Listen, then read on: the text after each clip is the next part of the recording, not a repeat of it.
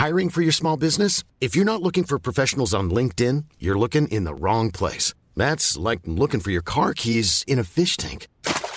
LinkedIn helps you hire professionals you can't find anywhere else, even those who aren't actively searching for a new job but might be open to the perfect role. In a given month, over 70% of LinkedIn users don't even visit other leading job sites. So start looking in the right place. With LinkedIn, you can hire professionals like a professional. Post your free job on linkedin.com slash people today.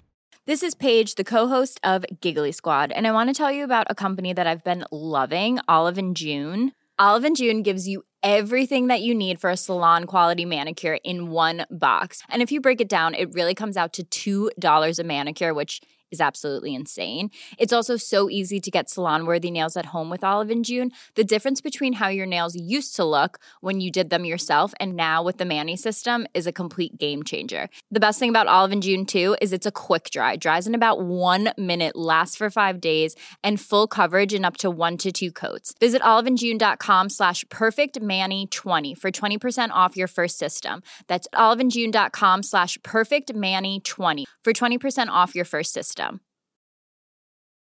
Flexibility is great. That's why there's yoga. Flexibility for your insurance coverage is great too. That's why there's United Healthcare Insurance Plans. Underwritten by Golden Rule Insurance Company, United Healthcare Insurance Plans offer flexible, budget friendly coverage for medical, vision, dental, and more. One of these plans may be right for you if you're, say, between jobs, coming off your parents' plan, turning a side hustle into a full hustle, or even missed open enrollment. Want more flexibility? Find out more about United Healthcare Insurance Plans at uh1.com. Se på deg sjøl. God dag, god dag. Du er ingenting, du. Du er absolutt ingenting. I can discuss some of the psychological aspects of the case. You've got to get a hold of yourself. Now look here, Johnson, I'm going to get to the bottom of this. I can discuss some of the psychological aspects of the case. And you're really crazy, you know that? Oh, yes, I remember that. Is this any concern of yours? Stop, stop, stop er psykolog Sondre Livre her. Diagnosen er dessverre svært alvorlig. Det viser seg at alt du tenker og føler er feil. Du må for all del ikke stole på hjernen din, den lyver. Alt du opplever er filtrert via nevroser fra ubevisste avkroker. Hvis du følger nøye med, er det en liten mulighet for at jeg kan hjelpe deg. I discuss some of the I discuss some of the I discuss some of the psychological aspects of the case. I'm just losing my mind, that's all.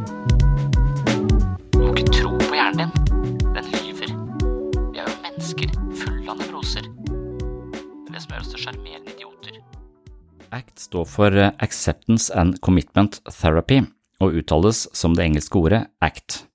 Ikke helt tilfeldig betyr det engelske ordet bevisst handling. ACT dreier seg på mange måter om å lære seg å leve et meningsfullt og vitalt liv ut ifra dine egne verdier. Og I dagens episode skal jeg snakke en del om verdier, hvor viktig det kan være å gjøre seg bevisst eget verdigrunnlag, og deretter finne livsprosjekter som reflekterer disse verdiene. Jeg er delvis inspirert av den siste boka jeg leste om ACT, men mer eksplisitt snakker jeg med bakgrunn i boka Den subtile kunsten å gi faen av bloggeren Mark Manson.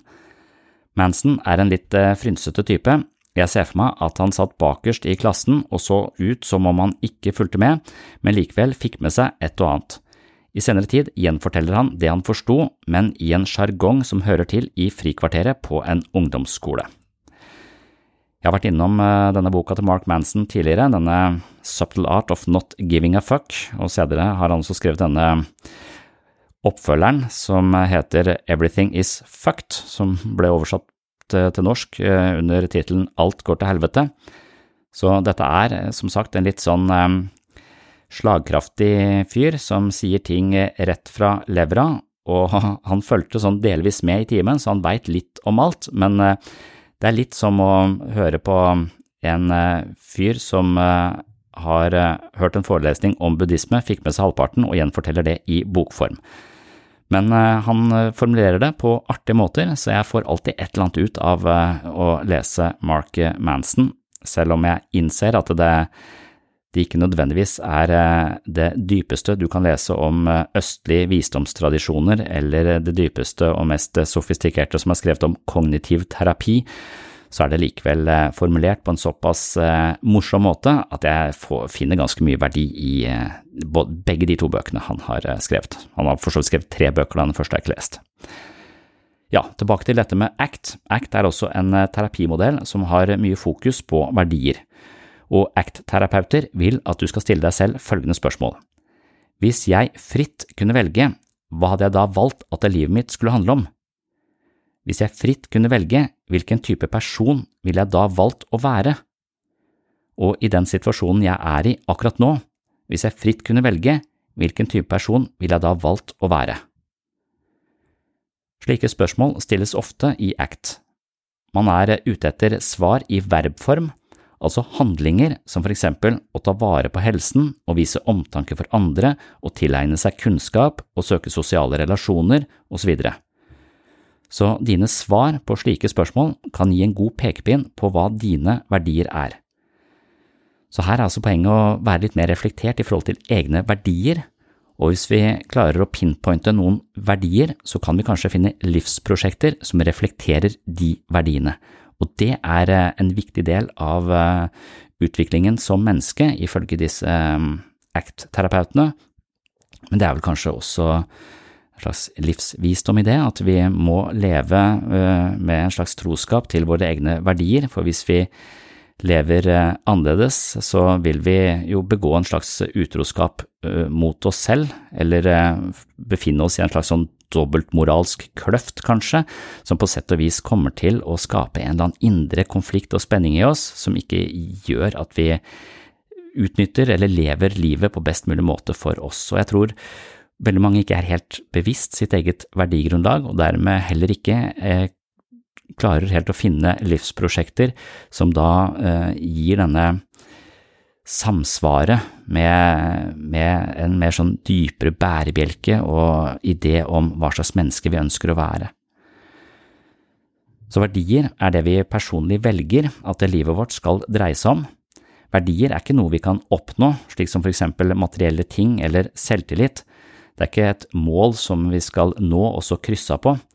Verdier er noe som peker ut en retning for oss, noe som guider oss uavhengig av vår tilstand og uavhengig av den situasjonen vi befinner oss i. Så verdier er ikke noe vi ikke kan eh, leve etter på grunn av at vi er i en eller annen vanskelig situasjon. Verdier er ikke et mål vi skal nå, verdier er eh, rett og slett kompasskursen i livet vårt, og uten et bevisst forhold til egen kompasskurs, så tror jeg vi går litt på måfo eller surrer litt rundt på stedet hvil, og der er det nok en del mennesker som eh, befinner seg eller at de har eh, basert livet sitt på verdier som eh, kanskje ikke er eh, spesielt gode, og dermed handler i en form for utbrenthet eller oppgitthet eller følelse av meningsløshet ved tilværelsen. Så i dag skal vi altså tilbake til refleksjoner rundt menneskets verdigrunnlag og hvordan det spiller en rolle for hvordan vi lever livet vårt. Det er ofte de situasjonene som er mest psykologisk smertefulle for oss, som sier noe om våre verdier. Hvorfor blir vi ekstra lei oss, engstelige, sinte, redde, nedfor osv. i enkelte situasjoner? Jo, det er jo fordi at eh, der vi reagerer mest, det er også det som betyr noe ekstra for oss. Ingen reagerer spesielt på noe som ikke spiller noen rolle. Er man langt nok nede, vil verdier eh, kanskje være spesielt vanskelig å se, selv om de like fullt er der. Verdier er ikke en følelse, men handler om valg. Det kan også hende at mange av våre livsprosjekter er tufta på det Mark Manson kaller for shitty values, altså dårlige verdier. Du kan investere 100% i et prosjekt, komme langt og få suksess, men hvis prosjektet er forankra i dårlige verdier, vil du ikke bli lykkelig, ifølge Mark Manson. Jeg tror at mange ikke er så bevisst sine egne verdier, adopterer noen dårlige verdier fra et oppjaga samfunn som veier materielle goder og status høyt, og deretter blir utslitte fordi de jobber hardt for noe som i bunn og grunn er bygd på råtne bærebjelker. Derfor er første skritt på veien å bli bevisst sitt verdigrunnlag. Hva betyr noe for deg, og hva slags menneske ønsker du å være? Når du finner svar på denne typen spørsmål, vil neste skritt handle om å svare på oppfølgingsspørsmålet. Hvordan hadde det vært for deg å gjort noe konkret, en bitte liten handling som var i tråd med noe du setter pris på. Dersom livet ditt kunne bestå av mange slike små handlinger i tråd med det du dypest sett setter pris på, hadde det da vært eh, et meningsfullt og vitalt liv for deg? Jeg tror at en del av livskunsten handler om å finne sine verdier og være tro mot dem. Det handler ikke så mye om å få suksess, bli rik eller høste applaus, men eh, handle i tråd med sine verdier og interesser. Uten samsvar mellom verdier og livsførsel lever vi som utro mot oss selv, og det er sjelden at kronisk utroskap er veien til et lykkelig liv.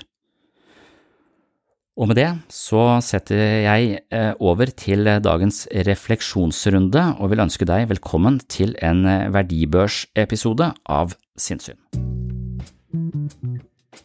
Oh, I'm just losing my mind, that's all.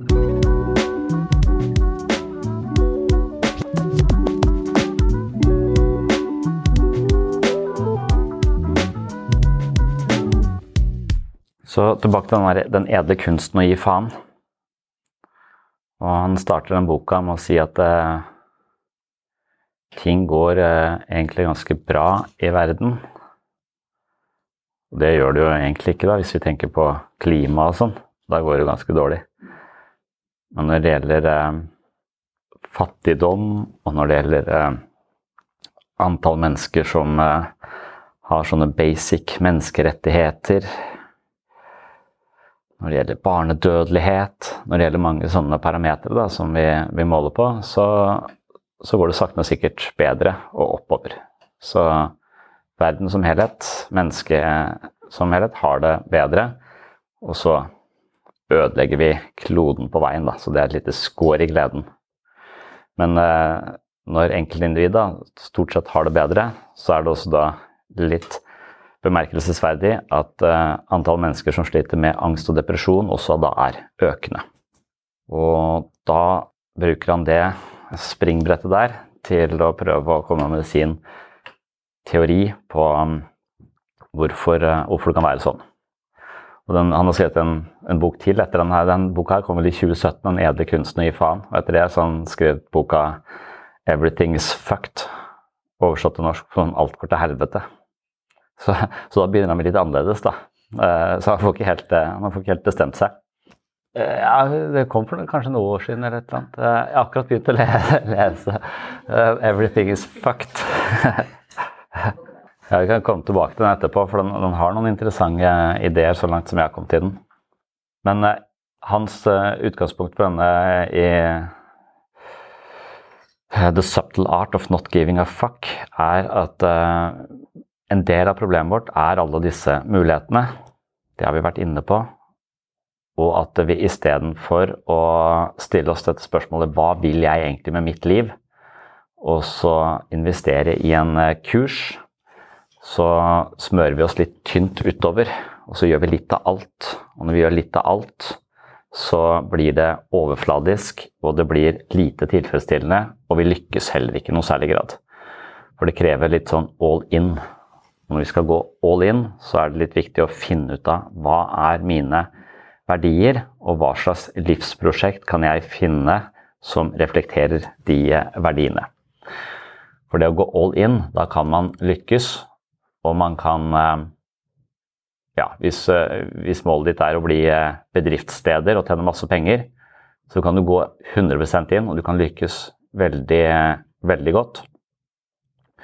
Da må du jobbe 60 timer i uka, og du må gi folk sparken, og du må komme hjem og ikke huske hva barna dine heter, men du blir vellykka som CEO. Så, så du, du, kan gå inn, men hvis det du går inn på er basert på det han kaller shitty values, så blir du ikke lykkelig. Så det å leve et godt liv, det handler også om integritet. Da, å ha et verdigrunnlag og ha en livspraksis som reflekterer det verdigrunnlaget. Og så mener han at folk flest ikke er så flinke til å reflektere over sitt eget verdigrunnlag. Eh, og når vi ikke gjør det, så er det noen andre som gjør det for oss. Altså kulturen, media osv. Så, videre. så vi blir bare infiltrert med målsetninger og verdier som vi ikke engang er klar over at vi har, og så lever vi ut ifra de. Og da lever vi ofte på shitty values, og vi kan lykkes, men være likevel ganske dypt og inderlig ulykkelige. Da. Så han vil at vi skal stille spørsmålet hva vil eh, vi ha ut av livet? Og hva skal det stå på gravstøtta? Pleier ikke bare å stå 'hvil i fred', tenkte jeg. Står det så veldig mye på de gravstøttene? Det er jeg usikker på. Eh, eh, Jeg tror Marve Fleksnes hadde Han kom, ble svett, og det var det. Eh, Det var det Marve skulle ha på sin. Han var jo tross alt lagerleder, eller lageringeniør. Unge, fremadsrevne reflekser Vet du hva du kan hente deg? Det blir ikke noe æresbegravelse på statens bekostning på vår frelsers gravlund for deg, nei. Alt du kan holde på, vet du hva det er? Det er noen plastikkblomster i et tomt syltetøyglass. Hvor de ikke har tatt av etiketten engang. Jordbærsyltetøy, står det. Så kanskje en liten sten? Liten sten. Småsten. Der står det bare Her ligger så skattenummeret. 1709 36 306 405. Jeg kan det. Så kanskje vi kunne få på et lite dikt som passer. Der skulle det stå Han kom, ble svett, og det var det. Men det er vel det som er poenget med denne, denne edle kunsten å, å gi faen. Han mener at vi bryr oss på litt for mange områder, da, og så er vi, er vi litt, eh, litt rundt. Og livet sier at livet består av mye motstand og mange utfordringer. Og hvis du ikke går all in, så vil du mislykkes på, på det du holder på med. Og det er dumt å smøre seg sånn tynt utover. Og det lurer jeg på om jeg liksom om var det som snudde litt for meg. At jeg plutselig kom inn i et system som på en eller annen måte hadde skjønt det. Akkurat dette med å uh, kunne litt om alt, eller uh, være ganske dypt og inderlig interessert i noe. Og at det er en forskjell på de to tingene. Jeg mener at hele barneskolen, Jeg har påstått at det, barneskole, ungdomsskole, videregående til, til en viss grad fungerer som en slags institusjon som hele tiden installerer krav og måler deg og veier deg. Og motivasjonen din blir som regel da bare å tilfredsstille de kravene, og ikke motivert av nysgjerrighet på fotosyntese. Altså, Fotosyntese er noe du lærer deg fordi at du skal spy det opp på en eller annen naturfagsprøve. Mens fotosyntese er jo sikkert ganske interessant hvis du hadde vært, hatt overskudd til å være interessert i det. For det er jo det som gir oss oksygen, på en måte. Det, men, men, veldig mye av den der måling av veiinga knuser den motivasjonen som kommer fra en interesse, en interesse for ting. Da. Så det, det mener jeg har, har vært en, et problem for meg. At jeg hele tiden var blitt tvunget til å interessere meg for ting. Og dermed så har interessen min for det uh, visna hen. Og jeg har bare vært en pliktoppfyllende nikkedukke som skal få de riktige karakterene for å komme inn på den riktige skolen. Og så kom jeg til heldigvis sånn litt tilfeldig inn på den riktige skolen. For på, når jeg kom til universitetet, så var det slutt på dette. Altså Det var fag. De sa dette her er utviklingspsykologi. Det handler om det og det og det og det. Nå må dere, ut ifra det vi har sagt i disse tre-fire timene, så må dere finne ut av hva dere fatter interesse for, og så er det det dere skal jobbe med resten av semesteret. Så istedenfor å kunne litt om alt, så skulle vi bore dypt ned i ett emne som vi selv valgte.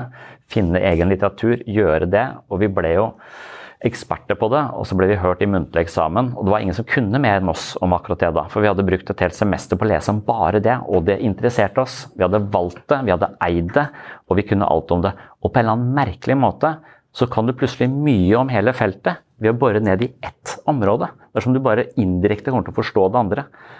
Så, så fra å gå fra overflate, så ble det mer, mer dybde.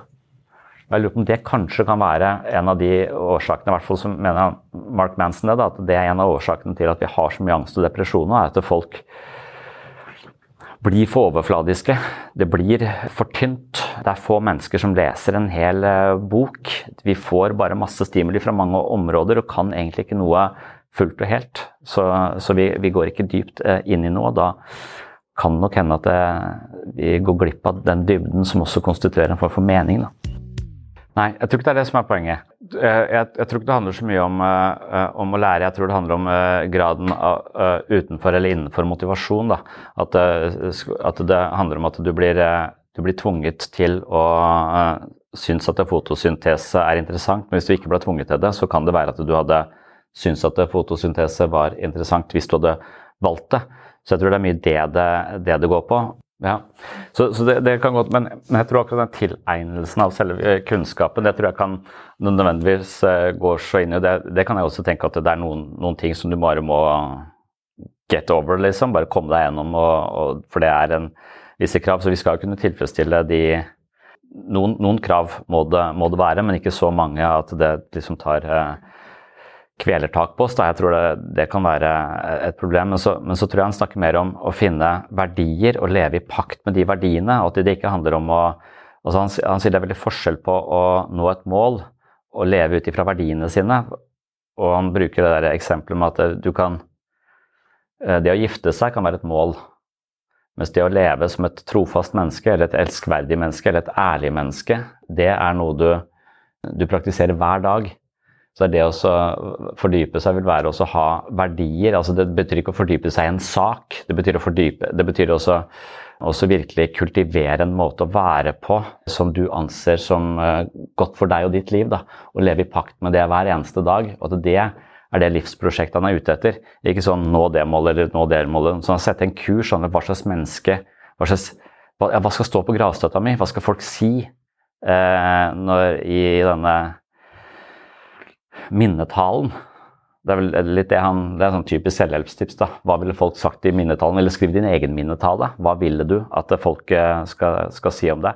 Og det er ikke så mye som han fikk til det, han fikk til det, han fikk til det. For det, det er sånn, Han var sikkert jævlig flink, men han var en drittsekk. Altså, øh, for det er jo mulig å være jævlig flink og være en drittsekk, men det å minnes om at han hadde et godt hjerte, han stilte alltid opp, han var liksom en, en, en person som var til stede, han var nærværende, folk rundt ham var eh, glad i han, eller hun Alle, mer sånne, sånne, Hvis du har noen verdier, og lever i pakt med de, finne ut av hvor og, og, Så poenget hans da, med denne historien som vi, vi hørte derfra, det er Han sier at det, altså, kjempe, det er viktig å kjempe for noe. Og det å kjempe for de verdiene sine, det er det som gir livet innhold, og det er de kampene du bør ta.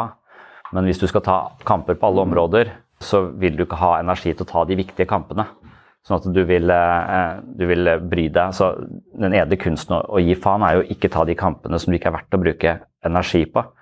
Jeg vet ikke om det er parallelt til fotball. Altså når, jeg, når, jeg, sier til folk sier jeg til spillerne at det, hvis du ikke kan gi 100% i et løp, så kan du heller bare sende ballen. La være. Hvis du trenger pause, bare la være.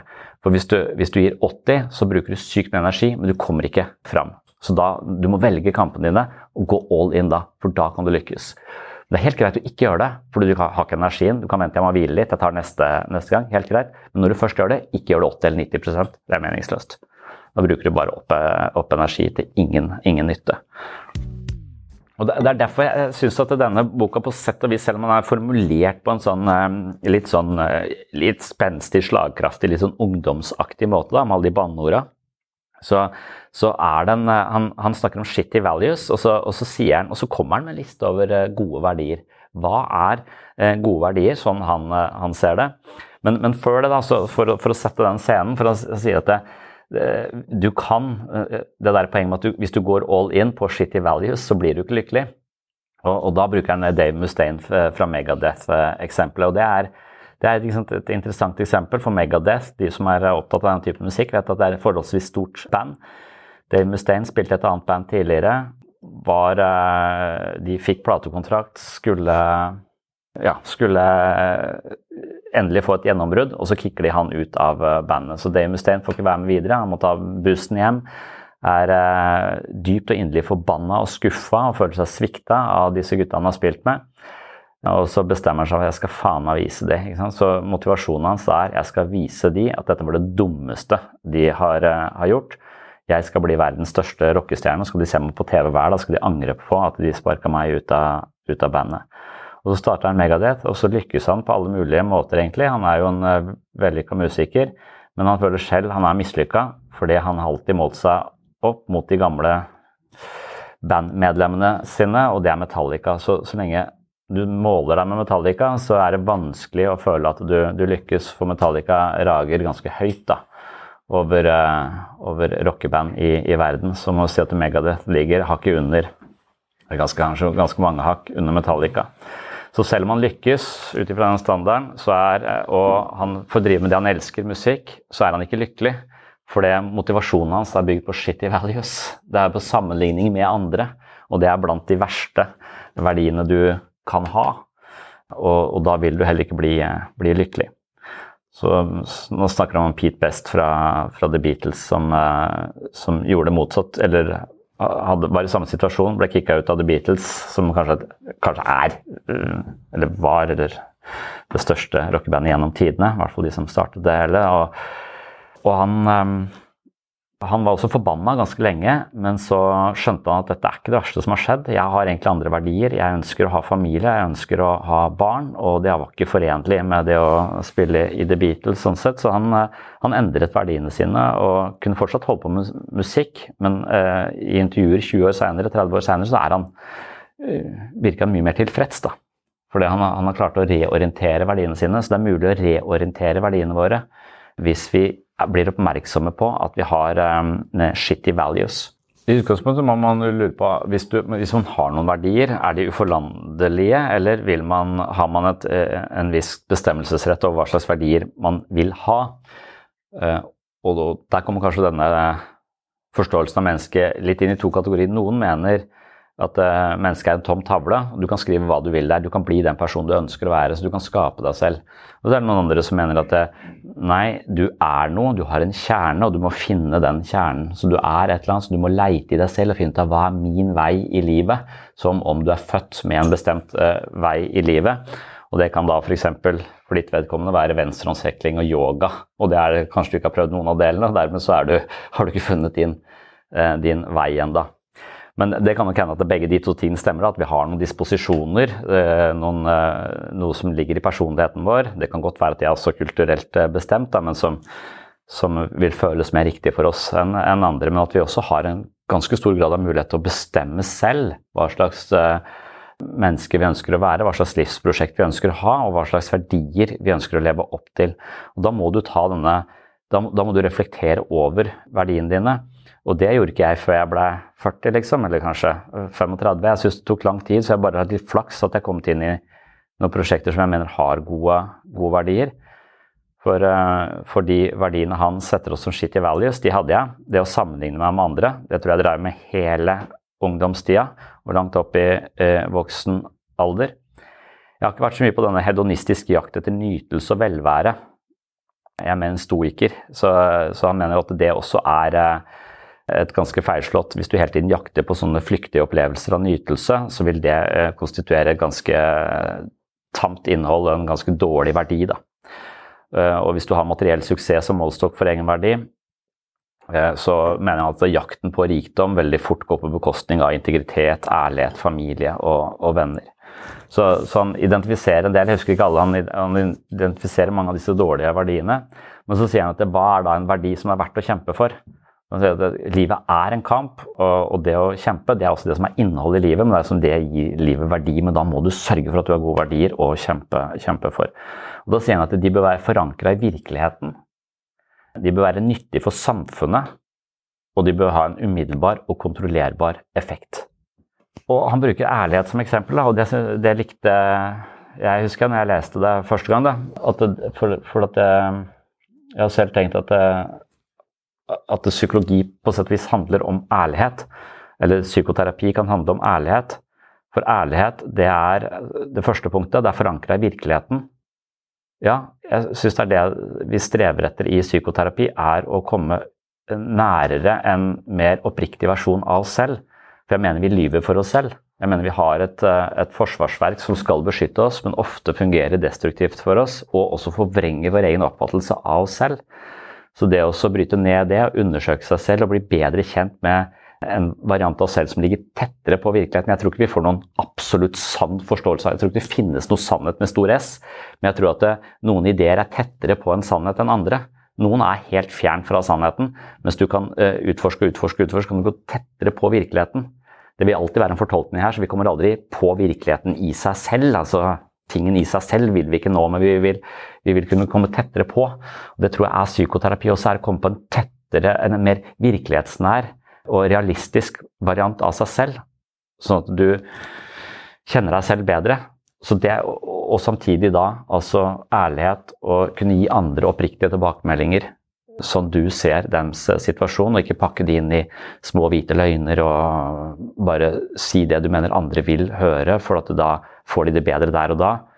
Og, mens egentlig så har du verdifull informasjon som du har sett hos vedkommende over lang tid, men du vil ikke gi det for du er redd for at du sårer de, og så vil de gå de samme fellene gang på gang på gang. på gang. Det er nesten som å vite noe om et annet menneske, du gidder ikke å si det, så de tryner hele tida, og du tror det er en god ting. Så, så ærlighet tro, er forankra i virkeligheten. Det er nyttig for samfunnet i den forstand at du kan gi andre oppriktige tilbakemeldinger. Og det har en ganske umiddelbar eh, og kontrollerbar effekt. Ærlig er noe vi kan være i den neste samtalen, hvor vi lyver om hvorfor vi ikke kan komme på den festen i helgen likevel. Eller snakker ærlig om hvorfor vi ikke kom på den uh, festen. Så, der, så det, ærlighet kan kontrolleres, det er tett på virkeligheten, og det kan gi andre verdifull feedback. Da. Så det er et eksempel på, på en, en, verdi han mener det er verdt å kjempe for. Og så sier han uh, kreativitet. Så sier han sjenerøsitet uh, og ydmykhet. Kreativitet, jeg tror det er der jeg er tilbake på den der. Altså, kreativitet det kommer som følge av en drivkraft du har inni deg. Normally, being a little extra might be a bit much, but not when it comes to healthcare. That's why United Healthcare's Health Protector Guard fixed indemnity insurance plans, underwritten by Golden Rule Insurance Company, supplement your primary plan so you manage out of pocket costs. Learn more at uh1.com. Hey, Dave. Yeah, Randy. Since we founded Bombus, we've always said our socks, underwear, and t shirts are super soft. Any new ideas? Maybe sublimely soft. Or disgustingly cozy. Wait, what? I got it. Bombus. Absurdly comfortable essentials for yourself and for those facing homelessness. Because one purchased equals one donated. Wow, did we just write an ad?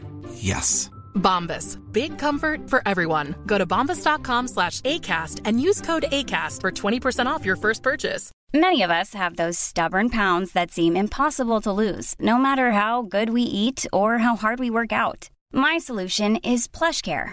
PlushCare is a leading telehealth provider with doctors who are there for you day and night to partner with you in your weight loss journey. They can prescribe FDA-approved weight loss medications like Wagovi and Zepbound for those who qualify. Plus, they accept most insurance plans. To get started, visit plushcare.com slash weight loss. That's plushcare.com slash weight loss. Hvis du bare skal lage noe som andre skal like, så vet jeg ikke om den eh, om du, om, om, Da tror jeg du er på et prosjekt som du lett blir litt utbrent av. Så, så mener jeg kanskje at det, hvis, hvis, du, hvis, du har, hvis, du, ikke har et reflektert forhold til verdiene dine, så får du shitty values av deg sjøl, for da tror jeg du blir fanga av eh, sosiale medier, sammenligning, kapitalisme, en følelse at du aldri har nok og burde hatt mer, aldri er der du skal være, men skulle vært et annet sted. Altså, du får den, jeg tror du kommer til å få den der Den bare siver inn i det moralske kodeverket ditt på en eller annen sånn ubestemmelig måte. Så hvis ikke man tar et ganske sånn bevisst valg, så tror jeg kanskje du så har algoritmene til Google og Facebook gjort det for deg. Så du er nødt til å ta dette, dette valget og finne ut av hva slags menneske vil jeg, vil jeg være. Og hvis du finner ut av det, og du finner da praksis som kan reflektere det, så tror jeg det er en eh, god ting. Og det er liksom min største sånn åpenbare konflikt i meg, er dette med miljø og måten jeg lever på. Altså at du, jeg er ganske sikker på at jorda går til helvete.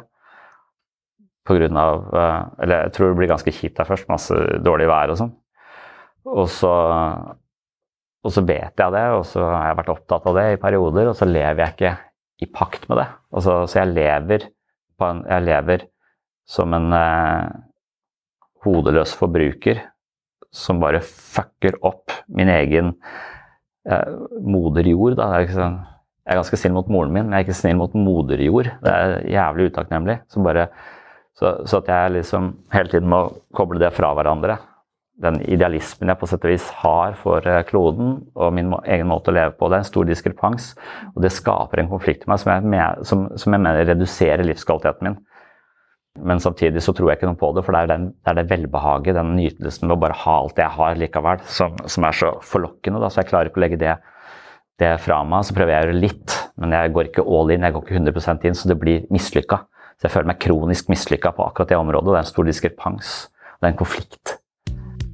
Men helt enig. Men, ja, det er, men det er, det er, jeg, ja, selv hvis det er så opplagt, så er det rart at ikke flere gjør det, på en måte. For det, det, er selvfølgelig litt uh, mange faktorer som gjør det vanskelig, men, men bare det å finne en praksis for sine verdier, altså det er det som det er, Du er nødt til Altså livet er struggles, som man kaller det, og du må uh, finne noe det er verdt å uh, kjempe for. Da.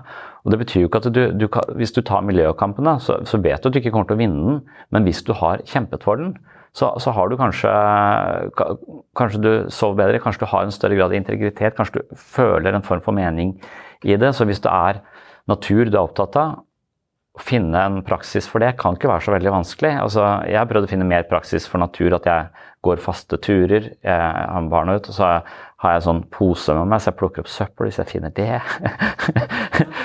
og det er jo av veldig lite betydning i et større perspektiv. Men jeg kan jo ikke forvente at jeg skal kunne gjøre noe annet. Men idet jeg gjør noe som stemmer overens med verdiene mine, så er det som om det eh, tetter den kløfta bitte lite grann. Den er ikke fullt så stor. Det er ikke dermed sagt at jeg tror at jeg gjør noen forskjell. Jeg bare føler at jeg lever i pakt med mine egne verdier, og at det har en verdi i seg selv. Og at man på da flere områder kan, kan finne Hvis ærlighet er verdiene mine, hvis natur er verdiene mine Jeg mente at venner egentlig har en høy verdi for meg, men at jeg prioriterer det null og niks. Det, det var en kløft er lettere å tette. Praksis for det er lettere. Jeg finner på ting som blir fast for meg ved å treffe, eh, treffe folk, så det var lett å tette den, den kløfta, den her miljøvernskløfta mi. Men der er en uendelig Altså, verdier er ikke noe det der føler jeg er en eh, kontinuerlig kamp, og det er den kampen som kanskje er verdt å kjempe også. For det er det med de, de derre verdiene det, det, at, jeg opplever det at jeg, jeg, har en praksis for å være ærlig. Det er gruppepsykoterapi hver eneste dag hele uka. Så, så da har jeg en praksis som er i pakt med en verdi jeg har, som kan være, som kan være ærlighet. Så, og, og, det å være del av et fellesskap og, og, ha en sånn egen motivasjon i å være det og, og virkelig trives i det. Men så kommer det hele tiden en sånn samlebåndsmentalitet fra høyere opp i systemet som sier at eh, pasienter skal behandles, det er mer enn ting. Det er ikke et menneske jeg kan lære å kjenne og lære å kjenne meg selv gjennom osv. Som er den spennende, kreative, kreative prosessen ved det. Det skal bli noe annet. Det skal, være, skal, produ skal produksjon, skal høy produksjon. Hvor mange øh, kan du gjøre frisk i løpet av så og så lang tid? Og det, helt, det er en helt annet verdisystem som teller og måler, og det er det som føler det fucker opp eller det hele tiden står i fare for å ødelegge verdien på, på en eller annen måte. Og, og, og da, han bruker det maratoneksempelet for å illustrere to ting. Maratoneksempelet hans er for å, for å underbygge at hedonisme ikke er noe farbar vei. Altså, han mener det er bedre for folk å løpe et maraton enn å spise en sjokoladekake. Selv om det er mer behagelig å spise en sjokoladekake enn det er å løpe et maraton, så vil det føre til en større grad av tilfredshet i enda et maraton jeg enda en sjokoladekake. Så det er én ting. Men, men det maratoneksempelet er også dette med at han sier ofte så løper vi maraton for en eller annen sånn større sak. Og det er igjen Jeg tror ikke at jeg eh, gjør noe særlig for barn i Rwanda eller for kreftsaken ved å løpe sommerløpet. Men det er nå en eller annen større sak bak disse løpene som foregår. Du betaler 500 kroner for å få løpe for å bli jævlig sliten, og så går 8 kroner til eh, myggnetting i Afrika f.eks. Det, det er helt uh, Forsvinner lite sannsynligvis, og bare men, men, likevel å ha den følelsen av at jeg gjør det for en større sak, at jeg kanskje er i en del av et fellesskap, en løpegruppe, jobber mot dette. Uh, jeg anser meg selv som en mosjonist nå, sånn at jeg, det er en verdi jeg har å være i god form. og det, jeg, det, er ikke noe jeg gjør bare fram til denne maratonen, det er noe jeg gjør hele tiden istedenfor disse små, små, målene. Og, da, og da, er, da, kan dette maratonet være en sånn slags høydepunktsopplevelse i min karriere som mosjonist. Og det, det, er noe som kan gi en form for uh, mer sånn midlertidig glede der og da, men også uh, på en måte lage noen rammer for den praksisen jeg, jeg har valgt. Men med en gang du løper det maratonet, sier han altså du, du kan løpe det samme maratonet på en helt annen motivasjon. Det kan være at eh, hvis det kommer en fyr og sier 'jeg dreper familien din' hvis ikke du løper det maratonet. Så, så du, du, skal løpe det på under fire timer, hvis ikke så skyter jeg alle du kjenner, og så skyter jeg deg i kneskåla. Så, så, vil du fortsatt løpe det samme med den samme smerten, men du vil ikke huske dette som, den, eh, som en høydepunktsopplevelse i livet ditt. Du, du, vil huske det som noe annet, så konteksten er ganske, eh, ganske avgjørende. Så du tvinges til å gjøre det, eller du velger å gjøre det. Og Det er den som er den store forskjellen. Tvinges jeg til å være her fordi vi skal ha produksjon og du får betalt for det? Eller er jeg her fordi det gir meg mening og jeg føler det kan skape mening i møte med andre? Det er sånn der, Har jeg valgt det, eller er jeg pressa uh, til det? Og Det er også den derre uh, den, uh, Da er spørsmålet hvor mye går det an å liksom oversette en del av livsprosjektene våre, som vi uansett må, til noe vi velger? Og som, vi, og som vi også kan forstå i pakt med et verdigrunnlag vi har valgt. Og det å være lykkelig, det tror jeg er å bruke livsevnene sine på best mulig måte. For da lykkes man. Og da tror jeg du må være kreativ. Du må bruke, du må, det kommer, kommer innenfra på en, annen, på en, eller annen, måte. Ja, at, at, du, at, du, ofte egentlig gjør ting som kanskje er eh, bra for deg, men du gjør det av feil motivasjon. Du gjør det fordi du må. Eh, og du har ikke eid prosjektet. Og du har heller ikke omskrevet det til en del av eh, du, har ikke, du, har ikke, satt det i kontakt med et verdigrunnlag. Ja, så, så jeg, du kan gjøre det samme, men hvis det, motivasjonen da Det stikker så ofte inn en sånn Ja, jeg skal forandre livet mitt, og jeg leser en bok om hvordan jeg skal forandre eh, livet mitt, og så står det der, skal jeg gjøre sånn og sånn og sånn, og da, da har du allerede da har du allerede da gjør du bare noe du blir fortalt. Du setter deg ikke ned og finner ut av hva ønsker jeg å være, hvem, hva slags person vil jeg være, og hva kan jeg gjøre som jeg ville like, og som er i pakt med akkurat det. Altså, det så hver gang du da foreslår noe for et annet menneske om hvordan de skal leve eh, bedre, så vil du Det vil jo være det motsatte av det de trenger, på en måte. De må, hvis ikke det blir valgt, så blir det så, så, blir det helt uh, umulig. Men, men, også en sånn livskunst da, å omformulere det du driver med, til jeg er fotballtrener bare fordi at eh, vi må også ha et verv, og alle foreldre må ha et verv. Så jeg kan være i FAU eller jeg kan være fotballtrener, så jeg har valgt fotballtrener, så slipper jeg i hvert fall å være i FAU. Altså jeg kan ha det på den, det er bare noe jeg må. Eller jeg kommer tett på jentegjengen, jeg blir kjent med venninnene, jeg eh, blir del av et miljø. Vi er plutselig en klubb, vi har en verdi, vi har et samhold. Altså, Oi, dette reflekterer min, min eh, på en måte ønske om å være en god venn, en god, være i et miljø, være, ha sosial kontakt, da, som ikke er naturlig for meg, for jeg er veldig introvert. Så jeg ville heller sitte hjemme og lest en bok. Helst ikke om fotball, men om noe helt annet. Så det er en bøyg for meg. ikke sant? Og hvis det er bare noe jeg må, så, så er det bare noe som brenner meg ut. Hvis det er noe jeg kan omformulere til noe jeg selv som er bra for meg, og som jeg velger, og som kan være bra for noe annet, noe for samfunnet. Og Det er ikke sikkert det er så vanskelig å omformulere de tingene man gjør til det. Man må bare vite hvorfor man gjør det. da. Jeg tror jævlig mange bare går rundt og gjør ting uten at de tenker over det. Og at de bare går på sånn autopilot, sånn, sånn tåke. I ABU f.eks.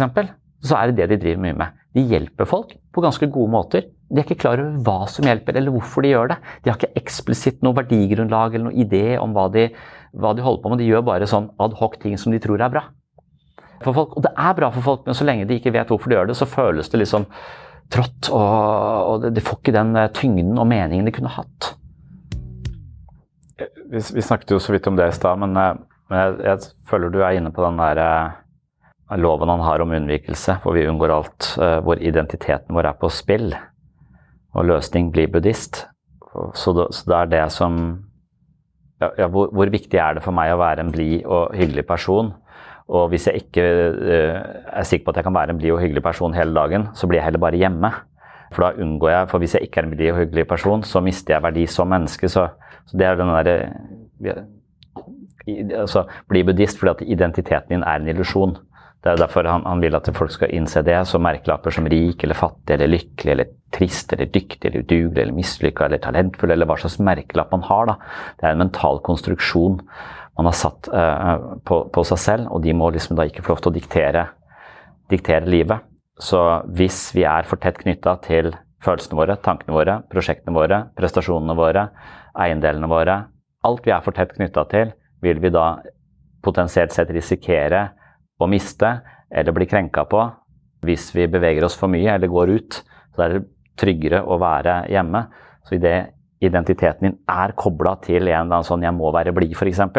Jeg kan ikke være ærlig og åpen. Jeg må være sånn og sånn for at de og de skal, skal like meg. Så, så er unnvikelsen eh, nærliggende. Så sjansen for å bli sittende ganske støkk i livet og ikke ta noen risiko, eh, er ganske, er ganske stor. Sånn sett så er det lurt å være en gambler. Så tørre å, å satse, satse, litt. Um, han sier også at du må innrømme egne feil og usikkerheter for å få til en endring. Du må liksom på en måte virkelig ønske de velkommen. da, Være dypt interessert i alt jeg er usikker på, alt som jeg gjør feil. For, mens naturlig for oss er for å unngå det, eller late som det ikke er der, eller lyve for oss selv. da, For å for ikke eh, innse de, eh, de, de tingene. En, en, av de feilene vi gjør i den sammenhengen hvor vi er for tett på kanskje prestasjonene våre. Vi mener prestasjonene våre reflekterer oss, derfor så må vi prestere på topp. Hvis vi ikke presterer på topp, så er det ikke bare det at det, vi ikke vant den kampen. Det er at det, jeg er et dårlig menneske. Eh, så det trivielle blir så altavgjørende, da. De fleste kamper vi taper i livet er egentlig ganske trivielle. Ok, så fikk vi ikke den, den lønnsføringen, så fikk vi det. Ja, ja. Vi, vi, overlever det, men når det går på vår egen verdi som menneske, så har vi virkelig tapt en del av oss selv. Vi har tapt sjela vår, liksom. Det er, sånn der, eh, det er så altavgjørende. Så, så vi kan være for tett på prestasjonene, men vi kan også være for tett på Eller ha en slags dømmende holdning til vårt eget følelsesliv, og det, det kaller han feedback loop fra helvete. Og det, er et bra ord på det. Feedback loop fra helvete skal jeg huske på. For det, det, er akkurat det jeg tror skjer med mange. At istedenfor å anse følelser som en del av oss, og som kan være en slags signal, et slags kompass som viser oss noe om denne situasjonen. Og det kan vise helt feil, eh, men det er også interessant. Da må vi virkelig finne ut av det. Men vi er nødt til å eh, ønske de følelsene velkommen. Men istedenfor å være trist, så blir vi ofte triste fordi vi er triste. Uh, og det er denne metatristheten som er den psykiske lidelsen. Det å være trist er ikke en psykisk lidelse, men det å være trist over at vi er trist, det er depresjonen. Så at vi får en slags vi, vi, vi vurderer at det å ha de og de følelsene er feil for oss. Så istedenfor å akseptere at vi har de følelsene, så dømmer vi de følelsene som feilaktige, og så blir vi lei oss fordi vi har feil følelser. Og, det er liksom Jeg tror det er uh, det vi ofte driver med. Altså Istedenfor å akseptere at følelser kommer, følelser går. Følelser er der, det er for å fortelle deg noe. De kan være ubehagelige, de er ikke nødvendigvis farlige. Så, vi, så holder vi de nesten fast ved å, ved å, være trist over at de er trist. Så det er metafølelsen som er eh, helvete her. Altså den meta, altså følelsen som føler noe for følelsen. Eh, ikke lar følelsen få lov til å fortelle oss noe, men føler det dumt at vi har den følelsen. Mark Manson er lei av sånn du skal tenke positivt. Han mener at de har blitt fora inn med det. Han syns det er noe, noe, piss. Han sier at livet er et helvete, og det må vi eh, anerkjenne. Så, sånn er det sånn. Og, og han sier at det, du må kjempe kampen din, og det å være ærlig, det er ikke lett. Det er noe som koster deg sykt mye. Det er ikke noe du bare kan bestemme deg for å være. Det er liksom noe du hele tiden må, må jobbe, jobbe for. Og jeg tror det er vanskelig overfor oss selv, og jeg tror det er vanskelig overfor andre mennesker. Jeg tror ikke det så, så jeg tror det er, um, det er, Men hvis du virkelig har bestemt deg for at det er en kamp som er verdt å kjempe, så, så, så må du gå all in for, for, å lykkes. Men jeg tror veldig mange, de fleste vil si ja, jeg ønsker ærlige tilbakemeldinger. Men veldig mange illustrerer da etter at du har gitt en ærlig tilbakemelding, ved å avvise deg, aldri snakke med deg mer. Eh, ikke sant? Så, at, så at alle sier de ønsker det. Men du, har du egentlig mot nok til å undersøke deg selv? Har du mot nok til å undersøke dine egne usikkerheter, til kortkommenheter i den ærlige tilbakemeldingen? Eller vil du eh, du sier det, for alle sier det. Det er, en overfladisk verdi, men, men, du har ikke den verdien egentlig. Eller du har ikke den styrken som skal til for å ta imot den ærlige tilbakemeldingen du får. Da. Og jeg er usikker på om de, de verdiene egentlig krasjer. For, dette, for, for, der tror jeg vi også er mis... Man kan si at det, hvis jeg, mange sier jeg er så ærlig at folk orker meg ikke. Ja, Da er det bare et rasshøl. Det er forskjell på å være eh, ærlig og være et rasshøl. Altså, hvis du ikke du, du, kan fort være ærlig og et, eh, et oppriktig menneske uten å si alt du måtte tenke og mene om ting. For alt du tenker og mener om ting er jo filtrert via våre egne nevroser, liksom. Så det kan jo være fordi jeg er sjalu, at jeg, det, min ærlighet er egentlig bare tufta på min egen sjalusi overfor den andre. Liksom. Så jeg må jo hele tiden undersøke er jeg ærlig overfor meg selv, er dette en oppriktig ting, og hvorfor ønsker jeg å si det til den andre? Er det fordi jeg er irritert på vedkommende, er det fordi jeg er sjalu på vedkommende, er det fordi jeg virkelig bryr meg om vedkommende? Liksom, så ærligheten må hele tiden gå begge, begge veier. Så hvis du er ærlig på den måten, så tror jeg ikke du blir dårlig likt heller. Da tror jeg du blir go to-personen når noen virkelig trenger en oppriktig person. Hvis de lurer på syns du det jeg har skrevet her er bra, så vil noen si ja, kjempebra, selv om de syns det er ræva, for de vil ikke såre deg. Og så publiserer du et eller annet sted, og så driter du deg ut. Altså Mens den, den personen som har integritet, og du vet er ærlig, vil jo gi deg du, Den vil også anerkjenne deg, for jeg sier du tåler det. Du tåler min, eh, min oppriktighet, og derfor så er dette båndet også ganske sterkt. Men, men skal ganske, du skal ha ganske solid ego. ikke sant? Hvis du har et ego som er veldig opptatt av å bli likt, så vil kritikk oppleves veldig som en slags Ja, du er for tett på. Det er jo mange mennesker som mener at uh, den jeg er, det bestemmes av andre mennesker. Så hvis du liker meg, så er jeg et godt menneske. Hvis du ikke liker meg, så er jeg et dårlig menneske. Uh, og da er du totalt sårbar da, i møte med, med verden. Så også, da er vi igjen for tett på, og vi er ikke buddhister. igjen bli buddhist, fordi at du, du kan ikke koble din egen verdi som menneske til andres tilbakemelding på den måten. Men du kan virkelig sette pris på andres tilbakemeldinger hvis du mener det kommer fra et godt sted og kan fortelle deg noe interessant med deg selv. Hvis du vet at det følelsen som da kommer av 'Å, faen, er det sånn jeg oppleves?' Det er smertefullt. Å kjenne på den smerten og la den smerten bli motiverende til å skape forandring, ikke til å hate deg sjøl. Det er også forskjell for mennesker som da begynner å hate seg selv på det, på det andre sier. Da har jo noen sagt noe til deg og så har du begynt å piske deg sjøl. Det var ikke det jeg mente. Altså, da, da, vil jo ikke du få den ærligheten senere. Da vil det være vondt å gi deg den typen ærlighet, for du, du, vet at jeg kommer til å sette i gang et eller annet sånn selvmasjokistisk drama her som aldri tar, tar slutt. Mm. Og så ærlighet er sånn, for meg et sånn um, ganske sånn fint mål, fordi at det, det blir du ikke ferdig med. For, for jeg mener jo som jeg har sagt en million ganger, at alt vi tenker og føler er feil. Fordi vi hele tiden lyver for oss selv. I en eller annen sving så er vi ikke helt oppriktige med oss selv. ikke sant? Så det å være ærlig, det er en kontinuerlig prosess du må holde på med helt til du, til du dør. Det er ikke sånn at det, ja, fra nå og utover så er jeg alltid ærlig. Nei, for du ljuger for deg sjøl uten at du veit det. Ikke sant? Det er det som er eh, Det er så masse faktorer og så masse sånne forvrengninger, små eh, rasjonaliseringer som vi gjør underveis ikke sant? for å legitimere oss selv og ikke gå ned med flagget. Så, så, det å være ærlig, det blir du aldri ferdig med. Og det er bra med sånne prosjekter, for hvis du først bare kunne sjekka på det, så hadde det vært et mål. Jeg er ferdig med Jeg er alltid ærlig, jeg. Nei. Du, alle mennesker Det er løgn. Akkurat det er løgn. For ingen Det er så mange som, som ikke er ærlige på en måte de ikke selv er klar over engang. Og etter hvert som de begynner å gå dypere i seg selv, så, de, så finner de ut av uh, denne utroskapen man ofte bedriver mot seg selv. Da eller mot, uh, mot andre. Så det er en fin verdi, for den, den, den, kan pågå hele Akkurat som å være et godt, eller være en trofast eller være et godt medmenneske. Det er ikke noe du enten er eller ikke er. Det er noe du faen må gjøre hele tida.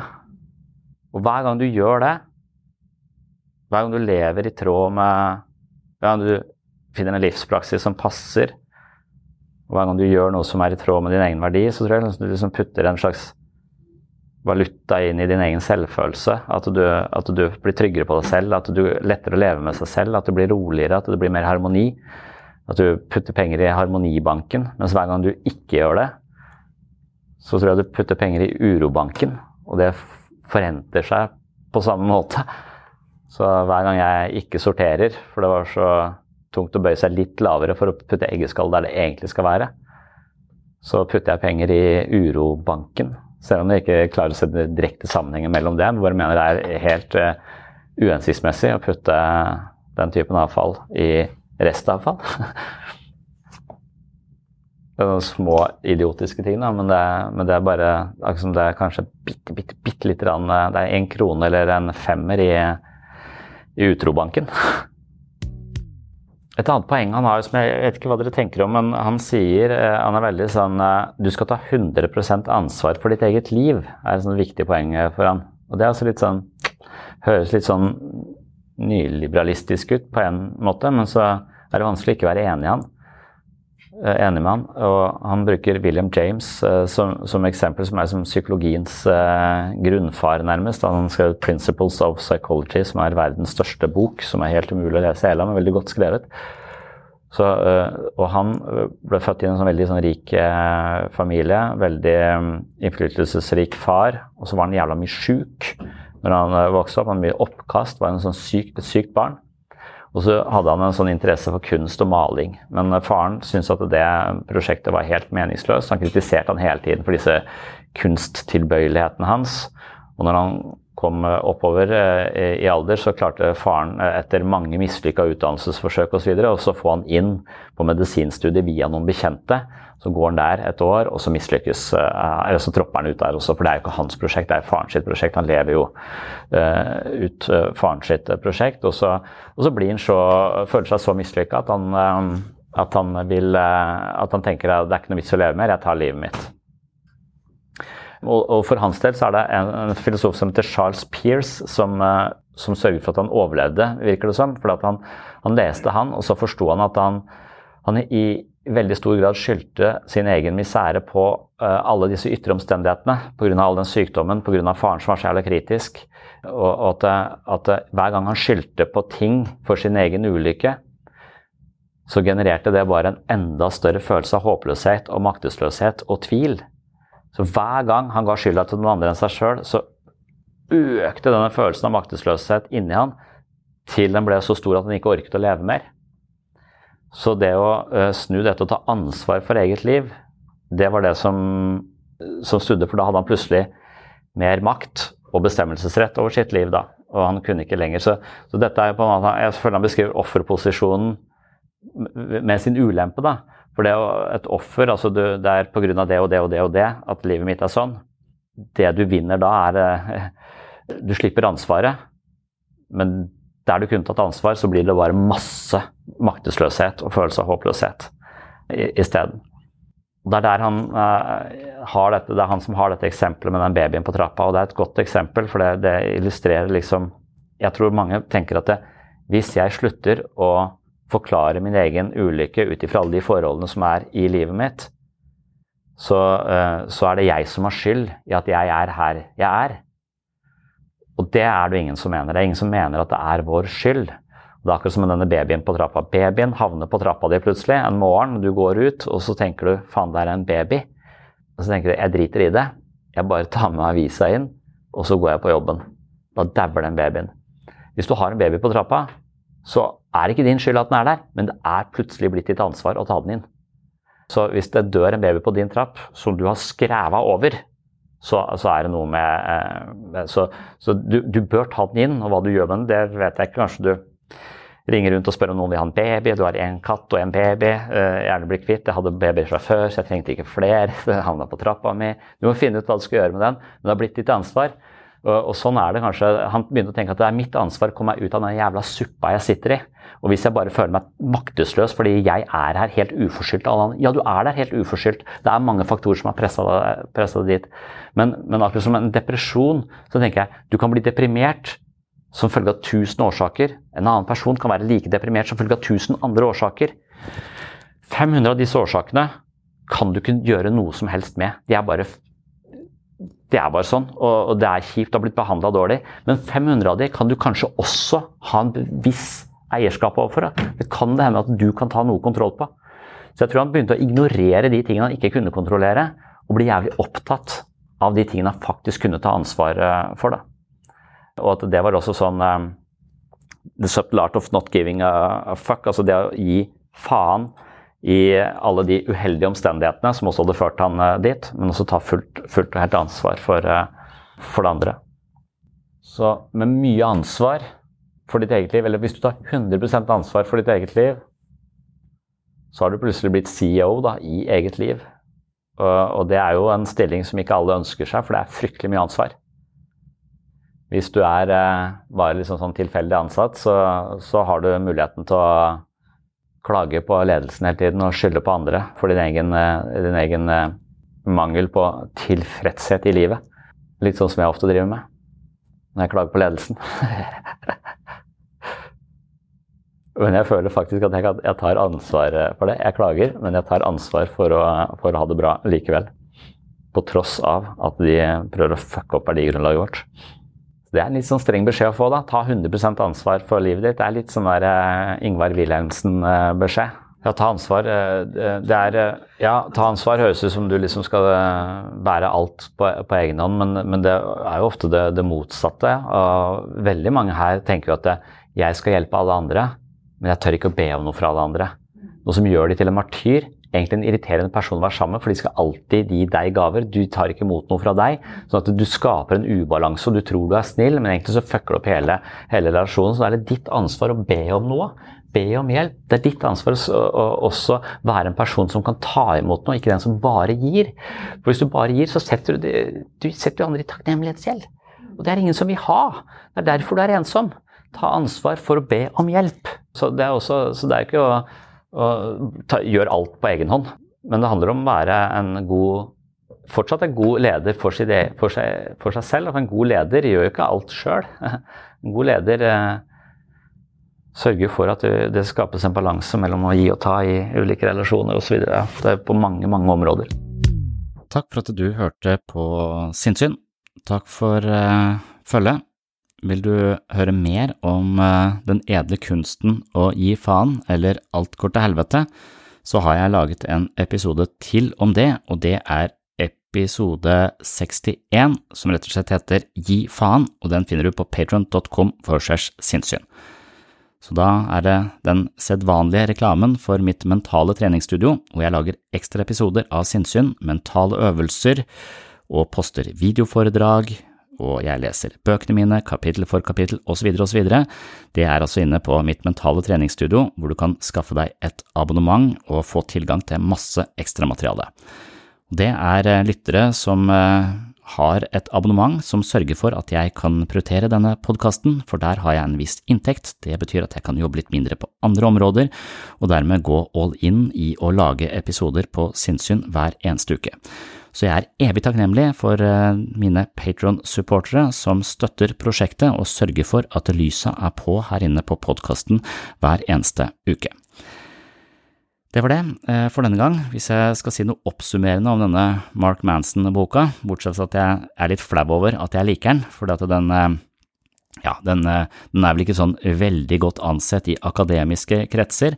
Han har et litt sånn pubertalt språk og snakker til ja, kanskje som om han snakker litt til ungdommer, men jeg tror han treffer ganske bredt, og derfor så syns jeg, og jeg er opptatt av å snakke på måter som er mulig å forstå, og hvis vi forstår litt av det og kan bruke noen setninger her og der, så tror jeg det er verktøy i vår egen verktøykasse når det gjelder å håndtere og forstå selv på stadig bedre måter, da. Så, så jeg liker boka.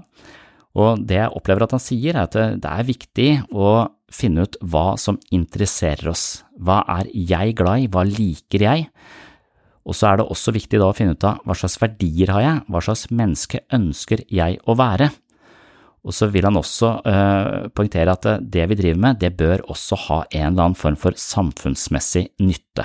Så det er så tre ting. Det må være nyttig for noen, det må være noe som interesserer oss, og det må være i tråd med et øh, vel valgt verdigrunnlag. Så hvis du finner ut av hva slags verdier jeg har, hva slags interesser har jeg, og hva er det ved mine interesser som kan være nyttig for andre, og hvis du finner én ting der sånn som på en måte inneholder alle de tre elementene, så er det bullseye. Da har du funnet en, en ting som det kan være verdt å kjempe for da, i eh, denne sjargongen til Mark Manson. Yes, takk for følget. Håper å se deg inne på Patron, eller så henger du med i en eh, ny episode her på Sinnssyn om eh, kanskje bare noen få dager, eller en ukes tid. Det får jeg se litt på. Eller jeg vil si, jeg håper at du henger med. Jeg håper du får noe ut av dette. Og ja, det er uh, veldig eh, gøy at eh, så mange hører på sinnssyn, det setter jeg utrolig stor pris på. Jeg får også en del tilbakemeldinger, jeg klarer ikke å svare på alle, men jeg leser alle, og det er veldig mange hyggelige tilbakemeldinger, veldig mye rause folk som gidder å skrive at de setter pris på dette, og det er også ekstremt motiverende når jeg driver og prater inn i denne mikrofonen her for meg sjøl, i tide og utide. Så tusen hjertelig takk til dere som har meldt inn eh, hyggelige ting, og på gjenhør. Shalabais!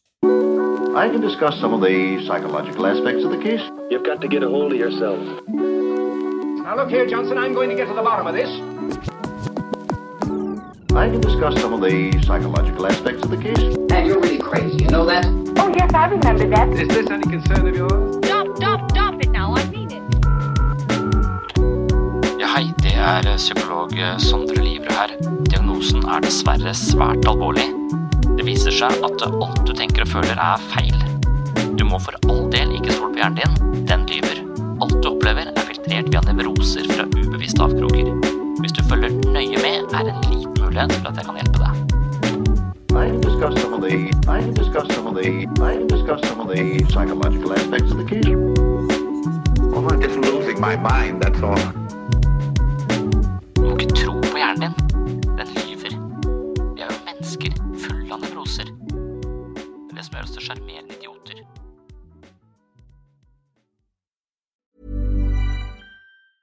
Hey, it's Danny Pellegrino from Everything Iconic. Ready to upgrade your style game without blowing your budget? Check out Quince. They've got all the good stuff shirts and polos, activewear, and fine leather goods, all at 50 to 80% less than other high end brands. And the best part? They're all about safe, ethical, and responsible manufacturing. Get that luxury vibe without the luxury price tag. Hit up quince.com slash upgrade for free shipping and 365 day returns on your next order. That's quince.com slash upgrade. A lot can happen in the next three years. Like a chatbot may be your new best friend. But what won't change? Needing health insurance. United Healthcare Tri Term Medical Plans are available for these changing times.